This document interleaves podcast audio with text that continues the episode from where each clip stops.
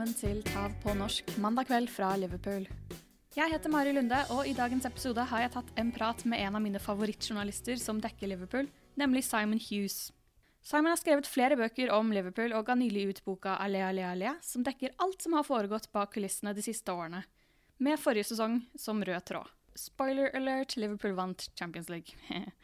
Simon er velinformert og kjenner klubbens innside svært godt. Vi prater om politikk på tribunene, mangelen på investering denne sommeren, og om FSG er riktige eiere for klubben. Simon har også nylig forlatt sin jobb i The Independent og blitt fanget opp av nyoppstarta The Athletic, som har kommet inn og skapt kaos i sportsjournalistikken i Storbritannia.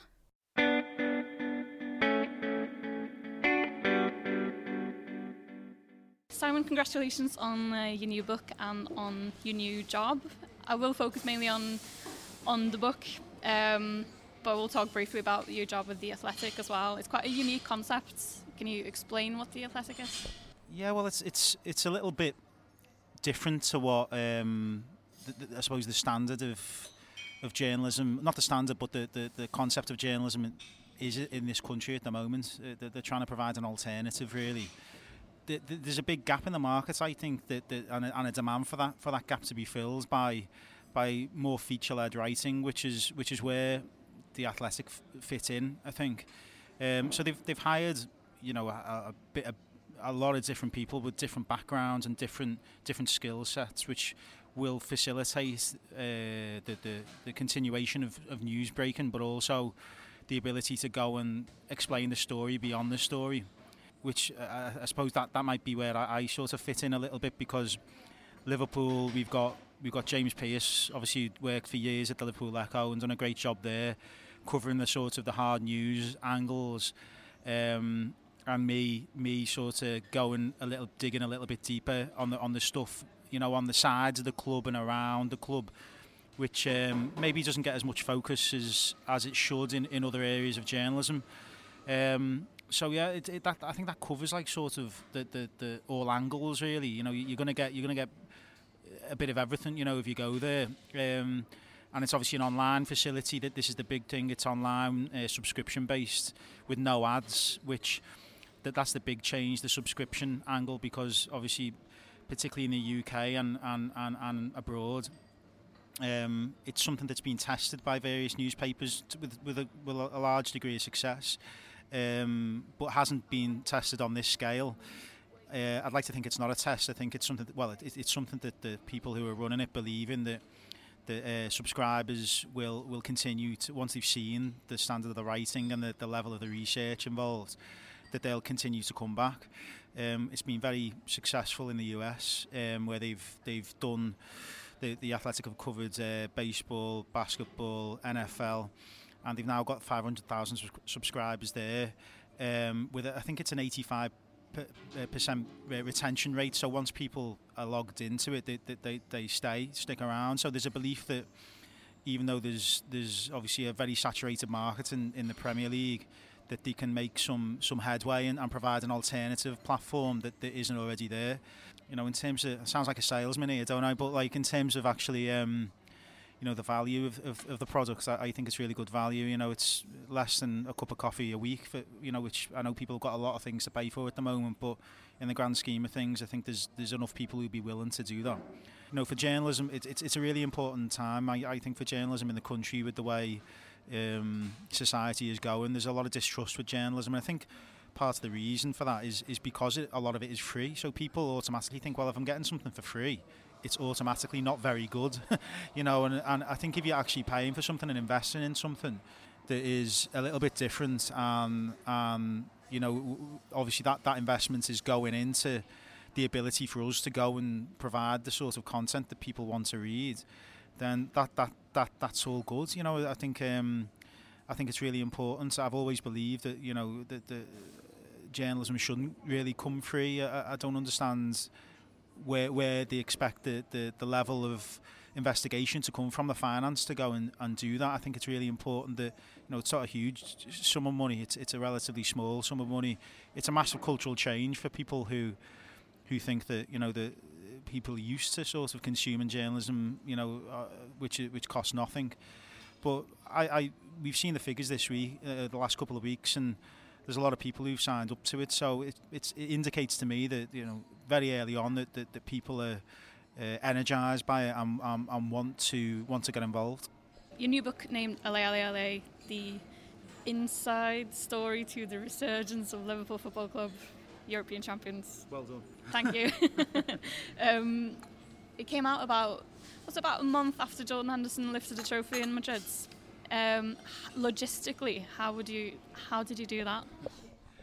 Well, uh, there's a bit of risk taking on my part, really. I mean, I was um, just to sort of explain the context behind my, I suppose, my working life. I, I was, I was on a working with the Independent on a sort of a retainer basis, which was pretty uncertain, um, an uncertain way to earn a living, um, and simultaneously working for a publisher who uh, I've, been at for, for, for, for three years, and another publisher which I'd previously worked with um, came to me um, around Christmas time, suggesting, you know what, you should be thinking about a Liverpool book that's doing so well.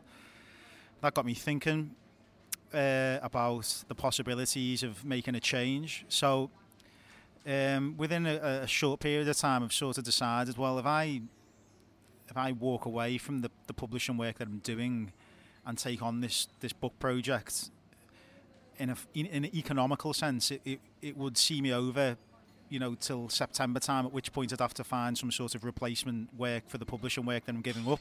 Obviously, I was thinking, well, Liverpool win the league and I've not done a book about it. I'll probably regret it forever, given that the opportunity was there. So I sort of back myself a little bit. Uh, I'm back Liverpool and I put a bit of faith in the, the team to try and get things over the line.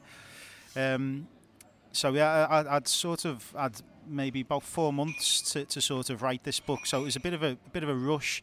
Although you know, over the last ten years, I'd accrued a lot of sort of um, insight into what was going on behind the scenes. Sometimes stuff that you can't write in you know in newspapers. It doesn't really work with newspapers.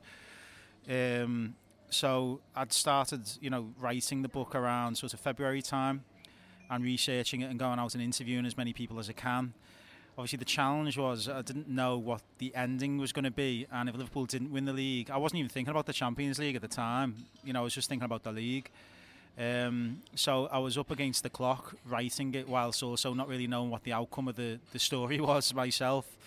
Um, quite happily, obviously, you know, Liverpool won the Champions League in the end, which I think, you know, would have been quite a demoralising book trying to tell, you know, about Liverpool's great resurgence had had they won nothing. Um, after the final um, in Madrid, obviously it was. Uh, I mean, I was clearly just delighted that Liverpool had won the uh, won the Champions League. Um, just, just you know, from a, a, fan fan element to it, but obviously quite relieved that it sort of helped um, helped the, the perception of the book as well. Um, I delivered the final the final manuscript, I think, seven or eight days after the after the um, after the final in Madrid. Um, and then there was a quick turnaround in terms of edit and, and and print from there. So I think it was five five six weeks after after ne- nearly six weeks after the final, the book was released. So it was a, um, an immense turnaround, and I had to obviously think about uh, how that book was written. So I thought, well, sort of. Uh, the last ten years' story hasn't really been told in its entirety, so there's a, uh, it's it's it's obviously a, a guide through the course of this season, but it, it darts backwards and forwards to moments in the past, which um, which uh, sort of explain why it was such a momentous um, period of time for Liverpool. So, yeah, I, felt like I was sort of spinning plates, trying to balance everything and, and give give the fuller story. That it, it's not just a story of Liverpool's season; it's a story of Liverpool's last ten years, really, and try and really explain why it does does matter on a you know in every significant level, starting from, I suppose. Uh, you know, the, the periods under Tom Hicks and George Gillett. Liverpool and Manchester City, the two best teams in Europe. It's as simple as that, you know, by by, by some distance, I think. Um, and you know, Liverpool's name now is is, is really is it's a, it's a feared name across Europe. Back back in 2010, when the story starts out, it was a crumbling empire, and nobody knew what was going to happen and where they were going to be. Um, the following season, there was I, I think if, if Liverpool hadn't been bought out of these entered administration as it was a possibility, they they could have actually got relegated. There's every possibility that could have happened. That's not strong. It was the end of end of October going into November, and they were in the relegation zone. Just incredible, really. And once you once you're in that relegation zone and you get a penalty, who knows where they would have ended up? So it sounds extreme and quite dramatic, but um, and you can never prove it, obviously. But you know, I think it was a story worth telling that that, that overall period.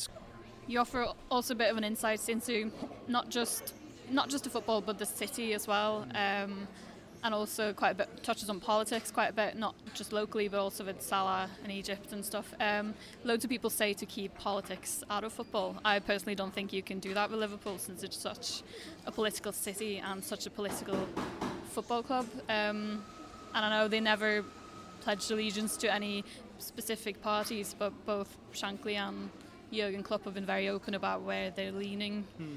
politically, and it just happens to align very well with what what the normal, what, what most people on the Kop would, would lean. Do you think that's one of the reasons Klopp fits so well with Liverpool? And do you think politics should be kept out of football? It's a very interesting question in light of what happened um, last week at Wembley, when obviously Liverpool fans uh, booed the national anthem, and I subsequently wrote a piece about that, which caused a bit of a storm. um, yeah, I mean, I, I agree with you. I, I think it's absolutely it's impossible in Liverpool because I know it's a particularly sensitive time around Hillsborough and the um, the implications around the, the impending uh, court cases. But you know that, that that places Liverpool Football Club and Liverpool the city in the same context. I don't think it's ever going to be possible to get out of that, given the struggle of the last thirty years, and even before that. You know, Liverpool, Liverpool Liverpool as a city throughout the decade before, the, throughout the 20 years before 1989, uh, was never out of the news. And I don't think that people people don't just set aside their their um, their personalities and experiences when they go into a football ground. You know, that idea just I never believed in that idea. I think everything in life that, that, that you experience has the potential to sort of drive you on and explain the way you are in a football ground to say it's just a separate universe. I just I've never agreed with that to be honest. I never agreed with that concept. Um, so to touch on what you were saying about Jurgen Klopp and um, and Bill Shankly, I mean, it's quite interesting with Jurgen Klopp because I know he's sort of pre- he's presented as being you know very left leaning when I, I actually see more of a liberal um, who leans towards the left, but he, he's certainly not right of centre. He's more left of centre, but he's he's very much a global. You know, he's he's, he's a man who who believes in globalisation that people can work together, and that's shown in his team. You know, he very cosmopolitan team, most cosmopolitan team Liverpool have ever had. You look at a Brazilian centre forward, a Senegalese winger, and an Egyptian, another Egyptian winger. You know, 20 years ago, even 15 years ago, I, I could never have imagined Liverpool having that sort of uh, cosmopolitan mix in the in the team, and I think that's reflective of what Klopp wants. If the good player, they come from anywhere and, and, and, and play a role in his team. You know, all these players are linked as well by not the, just their abilities on a football pitch, but the, their personalities as well. So yeah, I, I think that um, I think there's a good reason why Liverpool as a club feels very good about itself at the moment. It's not just um, it's not it's not just what's happened on the pitch, although that obviously leads everything, but it just feels right. Um, winning anything, winning is is is is everything. You know, to, to Liverpool fans, I, I think they want to see things done the right way. But ultimately, you know, winning. This is where the the whole um, discussion around politics sort of comes in. Football for a long time was the one way that Liverpool people sort of presented themselves as being victors, you know, over over other cities, over other football clubs from other parts of the country. It needs to win. So a lot of question marks over Klopp, I think, have been answered the last um, last few months with obviously winning the Champions League. Um, in in my view, it was the best season of the last 30 years. I think um, he's definitely he's definitely harnessed sort of the raw passion and, and you know belligerence of the city into something that's constructive and, and moving forward. You know, it's something that's delivering results now as well. I think it's very important for people to see that it's not just about like sort of the um, his political or his, his social views. People in the city want to see the team win. It's not enough just. I know people after Kiev was like, "Oh, great weekend, Kiev," which it was, but there was a, lot of disappointments as well that the team never performed really to the levels that you know it, we thought it can. Now you know, getting him. It was just about getting over the line in Madrid and, and, making sure that they won by any means. I think Trent summed it up perfectly actually after the final, which is the way people in Liverpool think that. You know, the first question was, "Oh, he didn't play very well," and he was like, "Don't care about that. Nobody remembers that. You all you remember is who wins." Um, you know that, that that sums it up for me. You know, you've got to try and win. You've got to you've got to win. You don't want you don't want to be a loser. Nobody nobody has sympathy for losers in Liverpool. So you you know the ins and outs of FSG quite well, don't you? Um, do you think they're the right owners and for Liverpool, and also why did they not invest in the summer?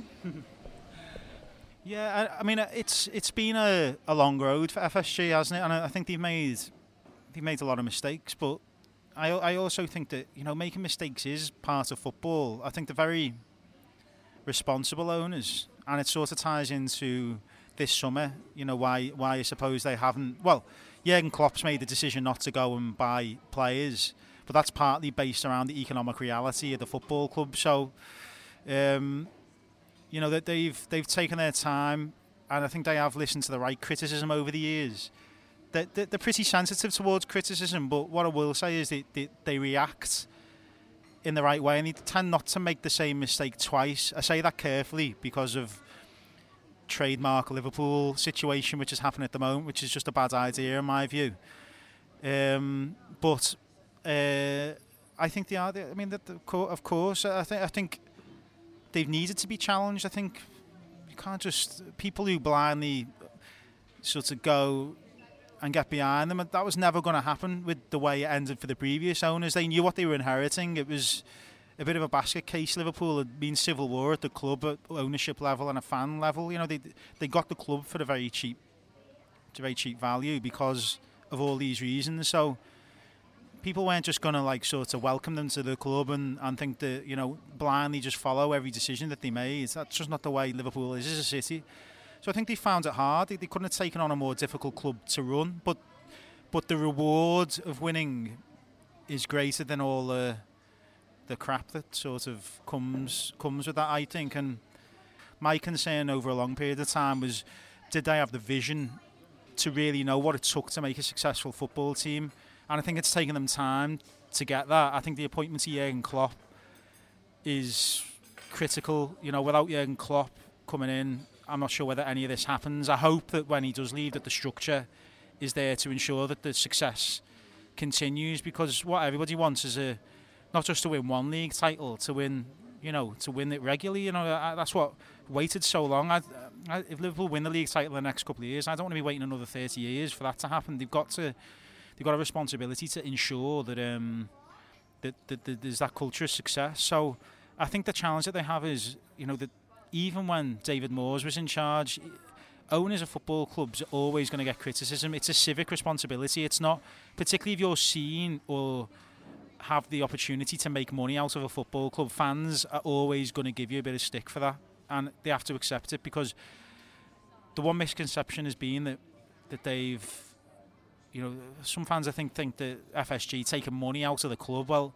that's not quite true. I mean, what what what what they see their profit to be made at the very end. You know, when they sell the club, every bit of money that they make goes back into Jurgen Klopp's ability to go and sign players.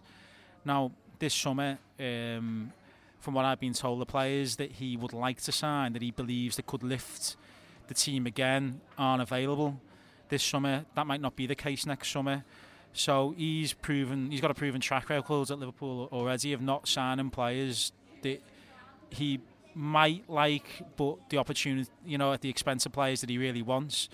Um, whether that'll be proven to be a, a mistake, you know, could could one player just make that little bit of difference. Um, you know, I think what will decide Liverpool's fate this season will be how they get through the winter periods again when there are one or two players missing. That's been the one part of the season consistently that Klopp hasn't quite got got his head around yet. for a variety of different reasons. You know, absentees through the African Cup of Nations, through injuries, suspensions, whatever. I think that'll be the, the part of the season where Liverpool it'll be decided whether Liverpool win the league or not. And I'm sure that if they get a couple of iffy results, people will be pointing towards the summer. Well, why didn't you sign X player? Um, but he lives and dies by his decisions, and he's got he's got the vast majority of his decisions right so far about Liverpool. And now Liverpool won the Champions League again this summer, but they're also building a new training facility, which that money, you know, has to be accounted for somewhere. It's 50 million pounds. I mean, spending 20 million pounds on a on a, a backup left back. I think Jurgen Klopp thinks that he's already got the players who can do that. Although he's in an unprecedented moment in his career where he's never he's never been in a position where he's won the Champions League. He's kept all his players. What do you do next? It's a new challenge for him, I suppose. Um, so we're recording this Thursday morning. Liverpool won the Super Cup yesterday. When this is released, we will have played Southampton at St Mary's as well. So if we went to lose at St Mary's, I know people will be freaking out on social media, thinking it's all gone wrong. Um, but what do you what do you expect from Liverpool this season? How do you better winning winning the biggest, most lucrative, I suppose, competition in Europe? I mean, in the past when Liverpool have gone close in, in the league, there's been a natural expectation that they they win the league the next season. Um, I think there's an acceptance in the city and, and the fan base, the you know certainly the match going fan base that the challenge of that is enormous because of what's in front of them. I mean, Man City won't just go away, will they? The, the, the great sides, great players, great manager. It's going to be very difficult to topple them. I, I think that Liverpool have to be cl- very close in the, in the title race. They have to give them a, a proper challenge. I'm not saying that's enough, but I, I, think that it just shows that Liverpool aren't going away. Um, so I think that's really important in the league to go and win the Champions League again, to reach another final, three years in a bounce. I mean, Liverpool have never done that in the history. I don't think, yeah, they've never done that in the history of the club. That's an amazing. This is the standard that he's set now, and it's it it can be a pretty dangerous standard because if you fall below it, people start saying, "Oh, well, you you, you know you're aggress- you're aggressing." But um, I would expect Liverpool this season to definitely be close with the title, if not if not getting over the line. I think that, that, that there's a possibility that they, they could beat City to it. I think it's defined by very small margins last season. You know, Leroy Sané isn't going to be there for City for a number of months. Who's a great player. That's going to be bad for them. So you you could say that arguably their their squad is a bit weaker. Now I know Liverpool are saying uh, some Liverpool fans are saying well Liverpool squad's a, a little bit weaker. The Dejan Lovren's on the verge of being sold. Daniel Sturridge has gone. Moreno, there's been no replacement for him. Um, but let's have it right. Moreno played a couple of games last season. didn't have an impact on the season. You know, I think Jurgen Klopp feels that James Milner can play there. We saw in the Super Cup final. I thought Joe Gomez was fantastic at left back when he went went in there for the for the extra time periods. Um, he's played there before. You know, there's a hope with a couple of young players. I, I think that Jurgen Klopp would sooner give those players a chance to fill in than just sign a 20 million pound left back who's never going to play. Because Andy Robertson is one of the best in Europe and is going to play most games anyway. His fitness levels are incredible. Um, now obviously in attack they, they, they haven't replaced Sturridge who who had an impact early on in the season. You know he scored some important goals against Chelsea and Paris Saint-Germain but if you look at the way people speak about players like Ryan Brewster Jurgen Klopp and the staff at Liverpool, they think he's going to be top top class. You know, so you've got to give him the platform to flourish. Meanwhile, you know, Divock Origi's been given a new contract. I would expect more from Shaqiri. There's players like that who Shaqiri last season. People say, well, second half of the season he did nothing. He set up the goal against Newcastle, the second to last game of the season, and he set up one of the goals against Barcelona the following couple of days later. He's shown in the big moments he can he can deliver. So I, I understand why there's a bit of scepticism around his his position because he hasn't played quite as much. But I, I think he's shown enough to to to to give hope that he, he's going to you know deliver in big moments as well. A few more next season when he's hopefully a bit more up to speed with what Klopp's demands are. You know, which are very extreme. You know, in terms of his physical demands and expectations, ta- tactical discipline. So for me, that those players that have gone, okay, Lovren injured so often, isn't he? There's a concern maybe that um, Matip, Matip's injury record, you, you're banking on Matip and, and Joe Gomez to, to be available for a lot more. But surely Joe Gomez, touch wood, you know, can't get injured again like he has. You know, he's had the injury records. It'd be rotten luck. Also, Fabinho played well when he, he, he fell back into defence last season. So there are plenty of options. Liverpool can basically sell Lovren for the fee that they signed him for five years ago um, and not have a player who wants to play. He wants to play every week as well, Lovren. So I think he can explain all those reasons. I think Klopp's taken a bit of a risk because he's putting faith in players that may be untested. But only he and his coaching staff sees what happens on the training grounds. He's in a better position than any of us to know how players are developing. Um, so again, you've got to back him and back his judgments. I think it's not blindly backing him. I think I can understand why people are questioning it, but he's in a better position than anybody to, to account for a player's developments, you know, younger players particularly, and understands where players can, can fill in. At, at times last season, it felt like um, Liverpool were grinding out results. Um, they weren't, and it might be me remembering it wrong, but it felt like they weren't winning always as convincingly as they did the season before. But at the same time, they never lost their cool. They always always seemed calm and collected, even going behind to Southampton at St Mary's. They never. It didn't look like they ever doubted their own abilities. Mm. Um, so what's what's happened there? That that feels like a new thing with the team mentality. Just seems to be on spot. It's a collective collective sort of experience, isn't it? I think players are sort of becoming more mature together. And uh, getting over the line in these tight moments, you, you learn a lot more from a tight game than you do winning 5 0 really, because you know when the pressure's really on to sort of make sure you don't make any mistakes, and or even if you have made a mistake in a, in a game like I suppose Southampton away, where it's a bit ropey the first half, weren't they? But they got over the line and won convincingly in the end. Um, obviously last season, and I, I think there's like winning the Super Cup is, is a big another big moment for the for the players. They didn't play particularly well, but they found a way to win okay on penalties yeah, a few years ago Liverpool had lost that game. Now players, you know, are knowing just little things, to just little little moments which which define the outcome of games. Like last night, Virgil van Dijk looks absolutely shattered, and I think it was was it Pedro had a shot, which Van Dijk found a way to get his body in the way of the ball. You know, it's just little positional things which, as players get older, they understand where to be at certain moments. The flights to the ball. I, I think that Liverpool there's a collective development there which players bit by bit, uh, moment by moment, experience by experience, develops the all-round character of the team and Klopp's big for that. He, he wants to keep the same group of players together so they've got experience to draw upon when they go into tighter moments in, in the future. So all of this, you know, uh, I think the Barcelona game, for example, you know, players are never going to forget that night. They're never going to forget what it took to go and win that particular game. You know, they, they achieved the impossible. You know, you, you saw it on the pitch. James Milner, the, the, unbreakable man, started crying. You know, like that. That's what it drove players to. And I, I think in the in the hard moments, they will remember to trust themselves a bit more. You know, I think that's a real thing. That to trust themselves that they deserve to be playing for Liverpool at the highest level of the game. That they'll know how to get across the line when it matters, even when a team you know, maybe dominates them for the periods in a game and everybody's sort of getting a bit jittery, you know, watching the game. They've got that collective experience that they know that they can overcome that now because of the attacking threat that they've got in their team as well. You can score against any team, any opponents. I, in my view, you know, got the most exciting attacking setup in, in Europe, and um, that, that that will explain a lot of the, the, the sort of the reasons why they get out of sticky situations. I think. So there's all sorts of different reasons why that that happens. Um, you know, the collective sort of experience of the team will, will help them through further, more difficult moments.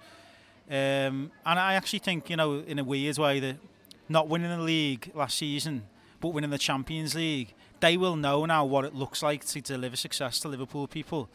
They will understand that not winning the league still, you know, weighs heavy on a lot of lot of fans, and they'll want to know what it's like to do that. So it still gives them that something to aim for, you know. And I think that that's not a bad thing. Imagine if he'd done the double last season. I can't imagine what that would have been like. It's almost too much to compute, and he almost did. You know, um, maybe too much success wouldn't have been the most glorious experience ever. In some ways, maybe, maybe, maybe you know, people uh, sort of the outpouring of emotion and the thrill of doing both or doing one without the other will be even greater than if you'd have done both at the same time. I've never quite thought of it like that. Maybe I'm talking absolute rubbish, but I think um, yeah, it gives them something to aim for, and I think that in a, a better collective uh, position now to go and try and achieve that than certainly they were 12 months ago.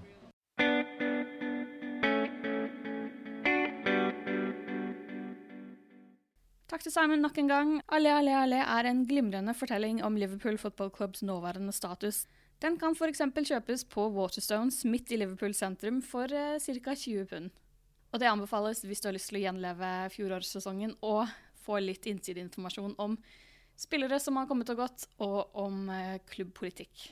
Takk for denne gang. Vi høres når vi høres.